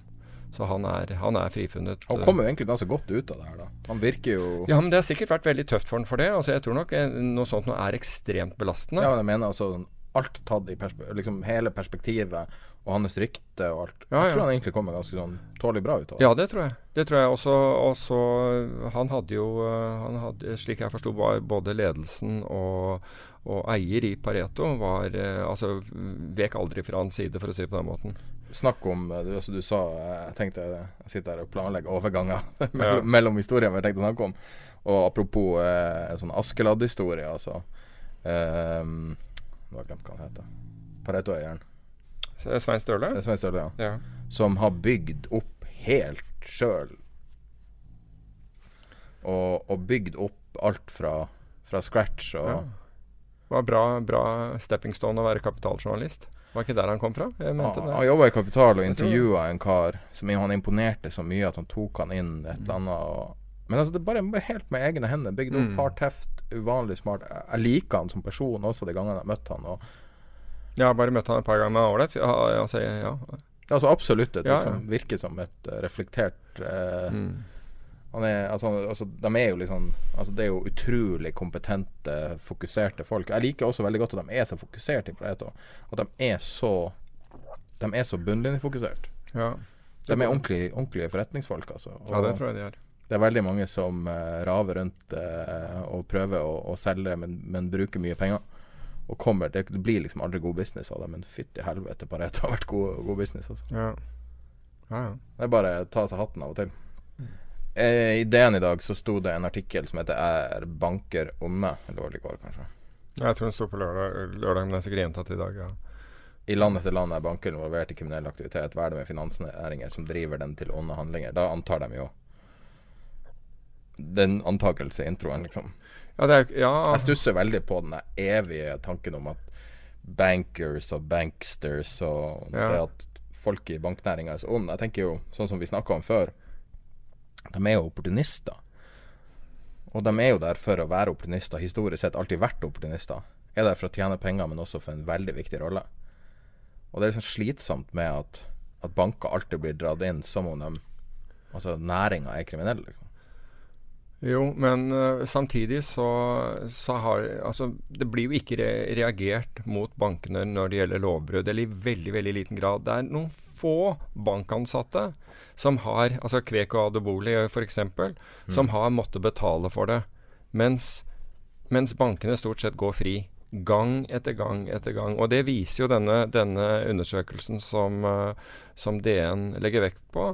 Og altså Problemet er at folk innenfor finansnæringen blir behandlet ulikt. Altså Bankene blir tatt mye penere enn f.eks. meglerselskapene og de private foretakene. Ja. Der hiver man seg på, og man fjerner konsesjoner, og man bøtelegger og herjer.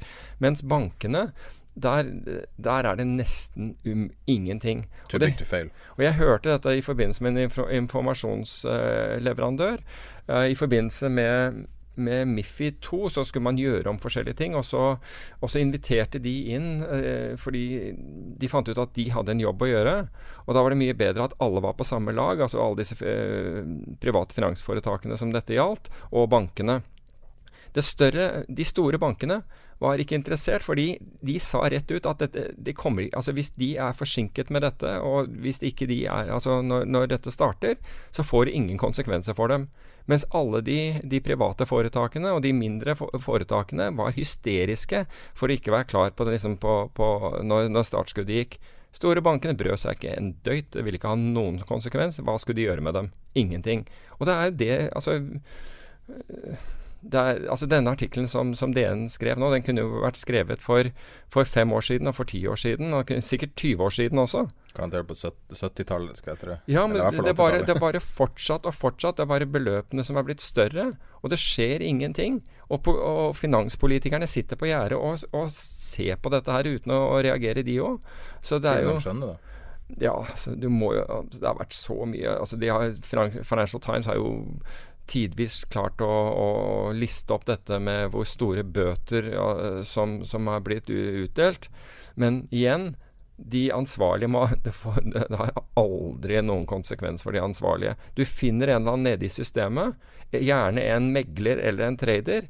Han ryker inn ryker inn én kar på den Libor-saken, muligens eh, noen, noen til. Kveku Adoboli, han sa at han, han det var jo banken selv som, som ba han om å Hvis han tilsto, så, så ville banken gå klar, og så skulle, skulle de ta seg han. Så viste det seg at de gjorde ikke det i det hele tatt, så han ble jo satt inn.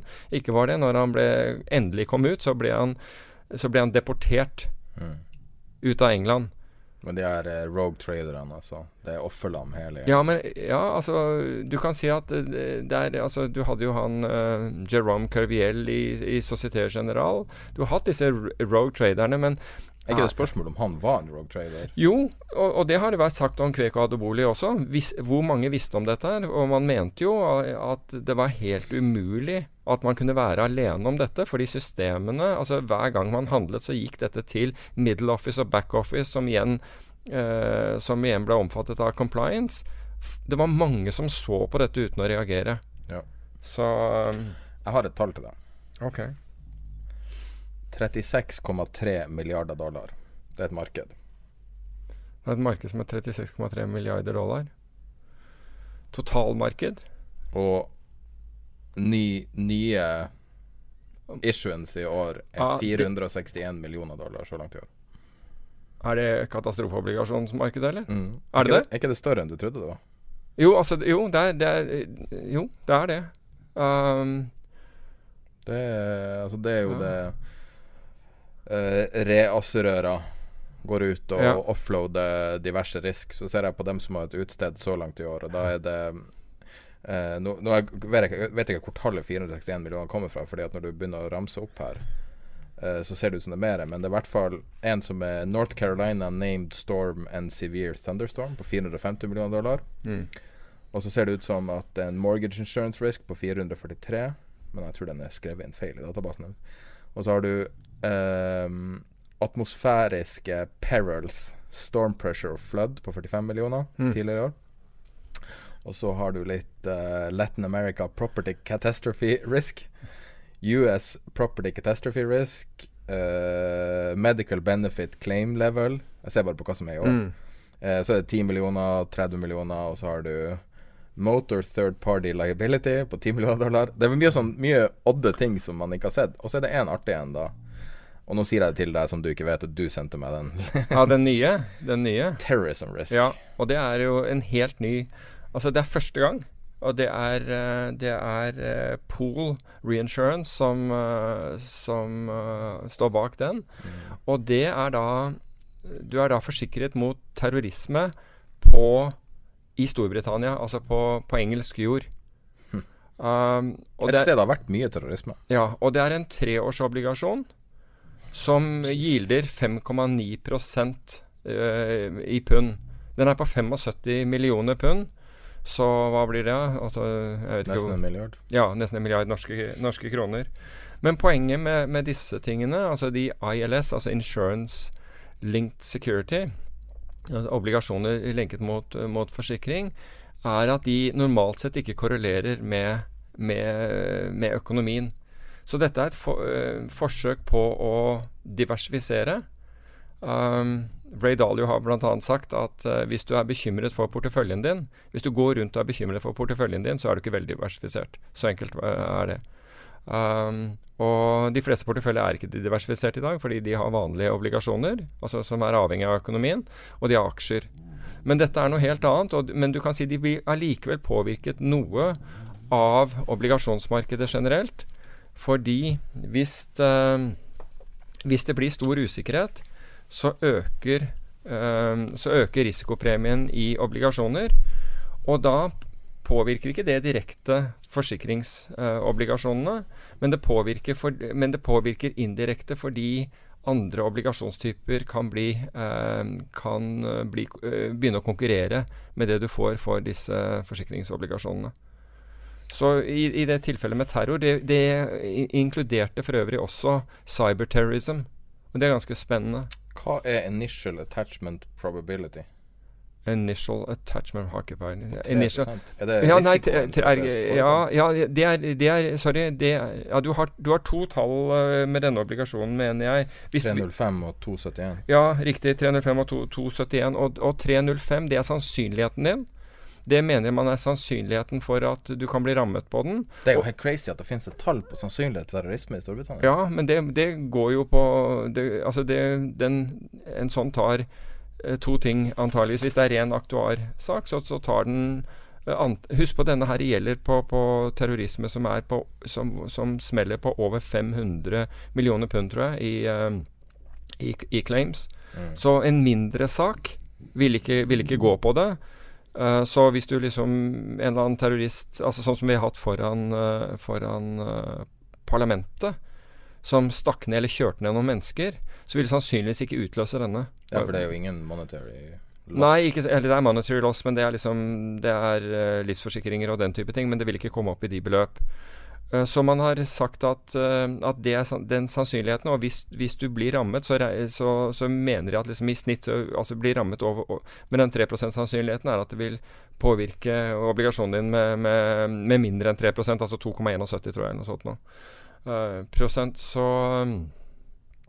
så du, og i tilfelle, altså det, er, det er jo noen som tenker at ikke, jeg vil ikke, jeg vil ikke um, investere i katastrofer. Men du gjør egentlig det motsatte her, bare, bare så det er sagt. Altså Du sørger for at uh, de som blir rammet av det, uh, får kompensasjon. Ja. Det er det den obliga obligasjonen gjør. Jeg husker jeg snakket med en pensjonskasse om dette her i en middag. og så, ah, nei, De kunne ikke bli sett på å investere i katastrofer. Så er det, det er helt motsatt du gjør. Altså Hvis du er filantropisk opptatt, som liksom måten du sier dette på indikerer, så, så burde du absolutt gjøre det. ja, Du tjener jo bare penger hvis det går bra. Ja, du tjener penger hvis det ikke er noen katastrofer, og mm. pengene dine går til å, å, å, å kompensere de uheldige. Reputation risken kan være hvis noen hevder å være ramma, og ikke du, altså du ikke betaler. Ja, Kanskje. men det er jo en legal issue mer enn noe annet. Men muligens. Men muligens, men, er, men, det er jo noe som forsikringsselskap altså, har hele tiden. Ja. Nå begynner vi å nærme oss slutten her, men vi har to ting vi kanskje tar kjapt. Uh, nå vet jeg faktisk ikke hva du mente, for du hadde også et tema med, med lav vold. Ja. Altså lav volatilitet ja. og dem som tapte i fjor. Ja, du, det, det, var egentlig en artikkel i Financial Times som, uh, som, som, så mange er, hvor de påpekte altså Dette er fond som styres etter volatilitet. Med andre ord, uh, hvis volatiliteten er lav, så kan de ta mye risiko. Men hvis volatiliteten stiger, så er de nødt til å begynne å selge seg ned. Okay? Mm. De fondene ble kraftig rammet i fjor. For etter hvert, altså når volatiliteten på et tidspunkt eh, sent på høsten eksploderte, altså gikk opp betraktelig, så måtte de selge. Ja. Så de solgte på vei nedover, og de måtte selge mer. Det, det mer volatiliteten steg, det mer eh, måtte de selge. Aksjer og obligasjoner og alt de, de satt på. Altså Vi snakker ikke om å selge helt ut, men for å få ned risikoen sin. Og de endte da med veldig dårlig resultat i fjor. Men så har jo da nå, etter at markedene har eh, kommet seg opp en del, altså eh, rekulert opp igjen så De, de ville aldri kjøpe på bunn, for da er jo jernvolatiliteten høy. Så har volatiliteten nå begynt å komme ned, eller kommet ganske kraftig ned. Og Financial Times noterte seg da at nå var de på kjøperen igjen. Mm. Så etter denne rekylen, så de, de, de kjøper etter rekylen. Og det er ganske interessant, for det er de er kjøpere. Mens hvis du ser på aksjefond innenfor Europa og ETF-er og den type ting, så innløses det kraftig. Så fondet, altså der hvor folk vanligvis investerer, og pensjonsfond og andre vanligvis investerer, de går ut av markedet nå, eller der, der ser du reduksjon. Mens i denne type volatilitetsfond så ser du, eh, ser du det motsatte. Så det er, men det er iallfall bra at uh, det finnes likviditet, likviditet, å komme seg ut på, hvis man ønsker det. Så sånn er det. Så det at past performance don't dictate future returns, eller hva det er. Ja. Men her i tilfellet så er det kanskje indikativt. Ja, altså det er vi Hele denne det, Hele nedgangen i fjor kom jo som en følge av for mye risikotaking. Og det kom som følge av Trump og bare veldig sånn glidende overgang. ja, Og skattekutt tenker du på? Eller, ja, nei, det var jo oppgangen, men du tenker på Kina? Jeg tenker på Handelskrigen var vel det nærmeste man kommer en trigger for nedturen. Ja, det tror ja, det, ja, det, Hvis det var en trigger, så var det nok det som Ja, mulig at det, det, var. Og den er jo enda ikke løst. Men Uh, men det har jo ikke forhindret markedene å komme opp igjen. Så markedene har jo, har jo tatt igjen omtrent, i hvert fall det amerikanske markedet, omtrent halve den nedgangen. Ja. Um, og den er ikke effluent. Men, men hvor, hvor, er vi igjen i øyeblikket? Jo, vi, vi, har fall, vi, har jo fortsatt fallende vekst. Altså, og senest i dag så var, var, eh, det analytikere som påpekte fallende inntjening i, i, norske selskaper, at de hadde skuffet så langt i år. Men, eh, men allikevel kjøper vi aksjemarkedet opp. Altså, så, så, nå begynner jo gapet mellom, mellom verdsettelse og inntjening å øke igjen, mm. sånn som det var, var i fjor. Men når det gjelder akkurat den, den, den handelskrigen som hele tiden blir, blir, kommentert, så tror jeg så For å være helt ærlig, jeg tror det er en no-brainer. Jeg tror den blir løst. Jeg, jeg tror kineserne kommer til å gi seg. For jeg tror ikke kineserne har råd. Altså USA er for store. Økonomien Ja. er for stor. Så, jeg, så du kan si at ja, kineserne overkjørte fullstendig Norge etter, eh, etter nobelprisen den gangen. Til Li Xiaobo. Um, og stanset uh, Ville ikke gjøre handel med, med Norge. Og det kan man gjøre med et lite, eh, lite land som Norge. Men når det gjelder USA, at the end of the day, så tror jeg når Trump sier hopp, så vil du bare se, eh, så vil du bare se luft under beina på disse folkene. Altså. Det er bare et tidsspørsmål. Jeg tror ikke altså, vi, vi kan mene hva vi vil om Kina, det er mange mennesker. Og, og det er en, en kultur som går lenger tilbake enn noen. Men her, her må de gi seg. Jeg snakker ganske mye med noen kinesere i forbindelse med jobb, regelmessig. Visste ikke at du snakket kinesisk? Eh, på engelsk. Aha. Via Skype. Eh, nesten daglig har jeg kontakt med Kina. Så jeg syns det er litt artig å sjekke hva Altså tilstanden der, da. Og det er sånne rare ting man, man ser med Kina. Og en av de tingene som jeg skulle sjekke, var eh, den der storyen som var om den eh, store eh, potensielle defaulten. Ikke fikk du med deg den i forrige uke? Uh, det var et eh, Husker ikke hva det heter nå. Det var et selskap Eiendomskonsern? ja, de eide de, de er et konglomerat, bank og diverse. Eh, så det er interessant å se ting som får si, hovedoppslag, f.eks. i DN. Det var i DN, da. Uh, var ikke registrert av menigmannen i Kina. Og det her var sånne ting så, så, så jeg lurer litt på eh, Lurer litt på hvor mye Altså, hva er det riktige svaret? Du ser også veldig mye ting som kommer om Kina i Norge som er beviselig feil. Så jeg tror at altså Selvfølgelig er jo Kina altså det, er jo, altså det er jo et nærmere diktatur, men eh, dem Jeg tror fortsatt at det bildet vi får her, den klassiske tingen er da 60 millioner tomme leiligheter, den der Mm. evige storyen. Eh, jeg lurer på hvor riktig det er, og hvor Altså om det går an å ha et helhetlig bilde av Kina eh, sett fra vårt perspektiv, og sett fra deres perspektiv. Jeg tror ikke engang E-tjenester har et uh, fullstendig bilde av Kina. Tror du Xi Jinping har det? Tror du han forstår hva Kina er sånn helt? Ja. ja, jeg tror det. Jeg tror uh, den politiske ledelsen der vet hva, hva, det, hva det går i. Hva tror du de fokuserer på? Akkurat nå så tror jeg, så tror jeg den altså, Og det syns jeg reflekterer også i, i, um, i utviklingen av um, aksjekursen i Kina, også som har da har tatt seg opp og altså, sluttet det kraftige fallet som man hadde. Og det er at uh, det blir en ordning med, med USA. Altså Foreløpig så har jo hele dette gått bra for, for kineserne, hvis du ser på uh, Eksporten deres har jo til og med økt. Mm. Men, det kommer, men hvis nå Trump skulle innføre ytterligere straffetoller, plutselig så skjer altså så, så reverserer det, da er det jo liksom Da er det et mørkt sluk, altså. Da er, det, da er det ikke mange steder man, de kan gå, fordi i hvert fall G7 inntil, inntil, inntil Trump dro på med den tariffen på, på aluminium, var helt enige om hvordan de skulle eh, ha en felles front mot, mot kineserne. Jeg tror at jeg tror her er et, et tilfelle hvor, hvor kineserne er nødt til å svelge den der stoltheten og, og, og play ball, rett og slett.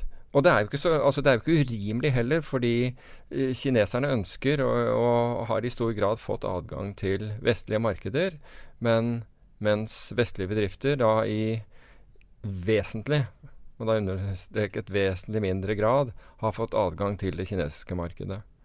Så, så tror, dette tror jeg er en, er en no-brainer, men det kommer sikkert en eller annen, en eller annen kommentator som, altså, som drar over meg på dette her, muligens på, på, på den tid er penger Facebook-gruppen. Og det er jo bare bra. Altså, vi tar gjerne motargumenter. Absolutt. Gjerne motargumenter. For to timer siden var det en som la inn en story om en F-journalist. Oi. Eh, tyske myndigheter har begynt å etterforske en FT-journalist pga. rapport Altså noe han har skrevet om det tyske payment-firmaet Wirecard. Altså sikkert noe sånn Vipps Mm. eller noe. Um, og han har shorta det. Det er en stund siden Oi. sist. Oi. Det er liksom Nettavisen og DNO all over again. Ja, nettopp. Hva heter journalisten? Er han navngitt? Ikke navngitt. Okay. Det er lenge siden. Altså, det, det, er jo Det er kanskje ikke så ofte som det var i gamle dager at journalister hadde så stor innvirkning på aksjekurser. Men uh, Men det var for øvrig interessant å se. Uh, jeg så et sånt intervju her forleden, eller det var, fra, det var fra en høring i USA. Da viser det seg at, at hvis du uh, Hvis du prøver deg en politisk karriere, så kan den finansieres Så er det helt legalt at den finansieres av, av særinteresser, altså være seg Big Pharma, Big Oil I Norge? Nei, dette er i USA. Det var, helt, det, det var helt greit. Og hvis du da kom inn og fikk da bestemmelsesrett, um, så, du, så, forhindret det ikke det at du var finansiert av særinteresser, forhindret det ikke at du stemte over, i saker hvor, hvor, som gjaldt disse særinteressene. Ikke bare det, men i USA kunne du til og med kjøpe aksjer. Du kunne kjøpe aksjer på forhånd i selskaper som, hvor, du, hvor, du, skulle delta i avstemningen om f.eks. Um, om, som hadde stor økonomisk betydning for dette. Og når det da ble spurt om hva med presidenten, hvilke regler er han underlagt når det gjelder dette, så var, det, så var svaret fra, fra lovgivere Ingen. Det kunne han fritt gjøre. Men det har Dick Cheney slått fast. Har du sett den filmen om Dick Cheney? Nei, men jeg kan tenke meg Ja, jeg husker, jeg husker jo den gangen. Det, det, heter noe Men det er basically ei fortolkning av loven mm. som han i praksis du, du, burde bare se den filmen, altså, for den går mye gjennom det. Og det er så, det er så rystende. Det er sånn du tenker liksom Donald Trump altså, det er jo bare Altså Nå er det bare tøv, men en virkelig evil mastermind var Dick mm. Cheney. Når du ser hva han innførte og det som, er, det som de avslutter filmen med Nå skal ikke jeg ødelegge, men, men det er knytta til liksom ettermælet. Eh, hva det er som er mulig pga. alt det Dick Cheney fant ut da han forska i loven. Altså, for å si det sånn, Dick Cheney snakka med sin advokat på 11.9. Det var det han, han, hadde fokus på mens han satt og var effektivt president. Og det er litt spesielt. Og det er knytta til da myndigheter. Sånn at uh, ei ny fortolkning av presidenten er at hvis presidenten gjør noe, så er det, så er det lov. Ja. Altså fordi at han er president. Men når Dick Cheney og spinndoktor nummer én ever i USA, Rumsfeldt, holdt på, så, så, var det jo ingen grenser. Det var jo ingen grenser. Nei, det var, det var jo Det lærte jeg jo i denne filmen, da, men det var mm. Rumsfeldt som var læremesteren. Ja. Åh, den er bra, den filmen. altså Det er så rystende. Det er sånn, du får så vondt i magen. Hva heter den? Altså. Vice. Aha. Okay. Et annet tips til deg Mm. Så det er bra film. Den skyldige. En dansk film. Ah.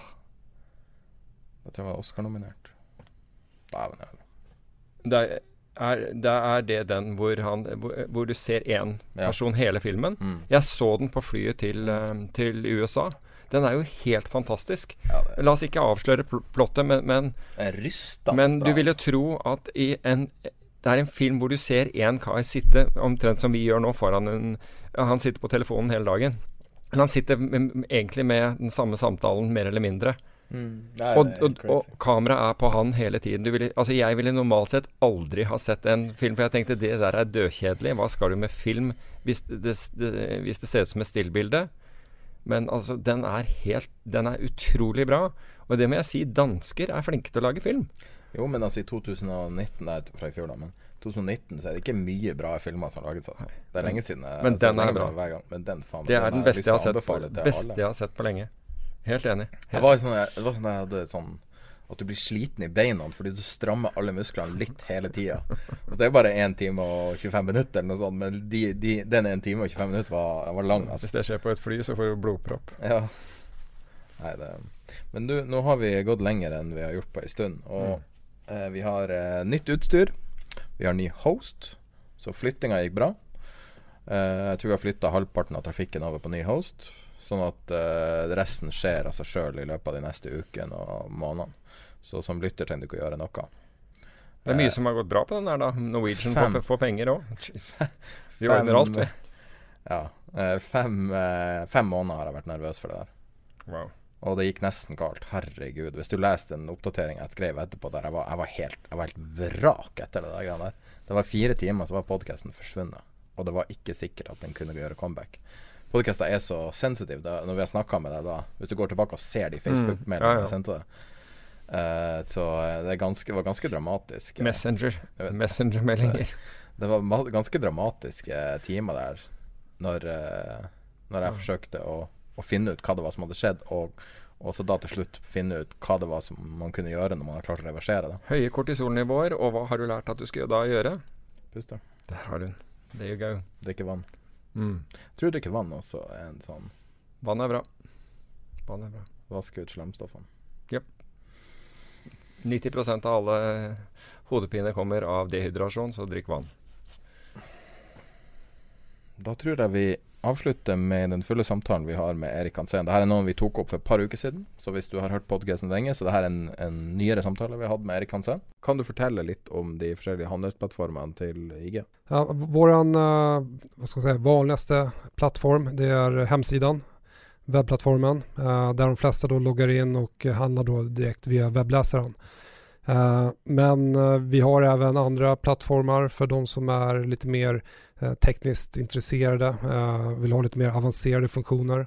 Där har vi till exempel eh, Pro Realtime eh, som är ett eh, det är inte våran plattform utan det är en samarbetspartner till oss. Eh, Där kan man automatisera sina strategier med köra då algohandel. Man kan bygga sina egna indikatorer. Man kan backtesta strategier. Eh, Man kan köra sin tekniska analys och så vidare. Eh, Sen har vi även MT4 uh, som många använder som, som handlar om valutor, FX. Uh, Och eh, sen har vi även API eh, som är då man kan säga en, en nyckel som man kan koppla upp sig mot eh, IGs priser om man då till exempel har en Bloomberg-terminal eller om man har ett eget program eller vill exekvera via Excel till exempel. Men den vanligaste plattformen är vår hemsida eh, och sen har vi såklart också mobil och eh, surfplattor eh, som är väldigt eh, eh, avancerade för att vara appar. Eh, de är betydligt mycket vassare än många andra mäklares appar kan jag säga. Eh, så det betyr at du kan handle Oslo Børs døgnet rundt. Kan du handle det hele uka også? Når, når er åpningstiden? Ja, du kan handla det dygnet rundt på ukedagene, måndag til fredag. Så under natten, eh, morgonen och kvällen när inte Oslo Börs är öppen, då rör sig priset efter USA-terminen och tar även hänsyn då till våra kunder eh, handlar. Så är det många kunder som köper eh, på tidigt på morgonen så kommer ju priset stiga. Och sen då terminen på Oslo Börs öppnar då kommer eh, vårt pris då eh, följa terminspriset.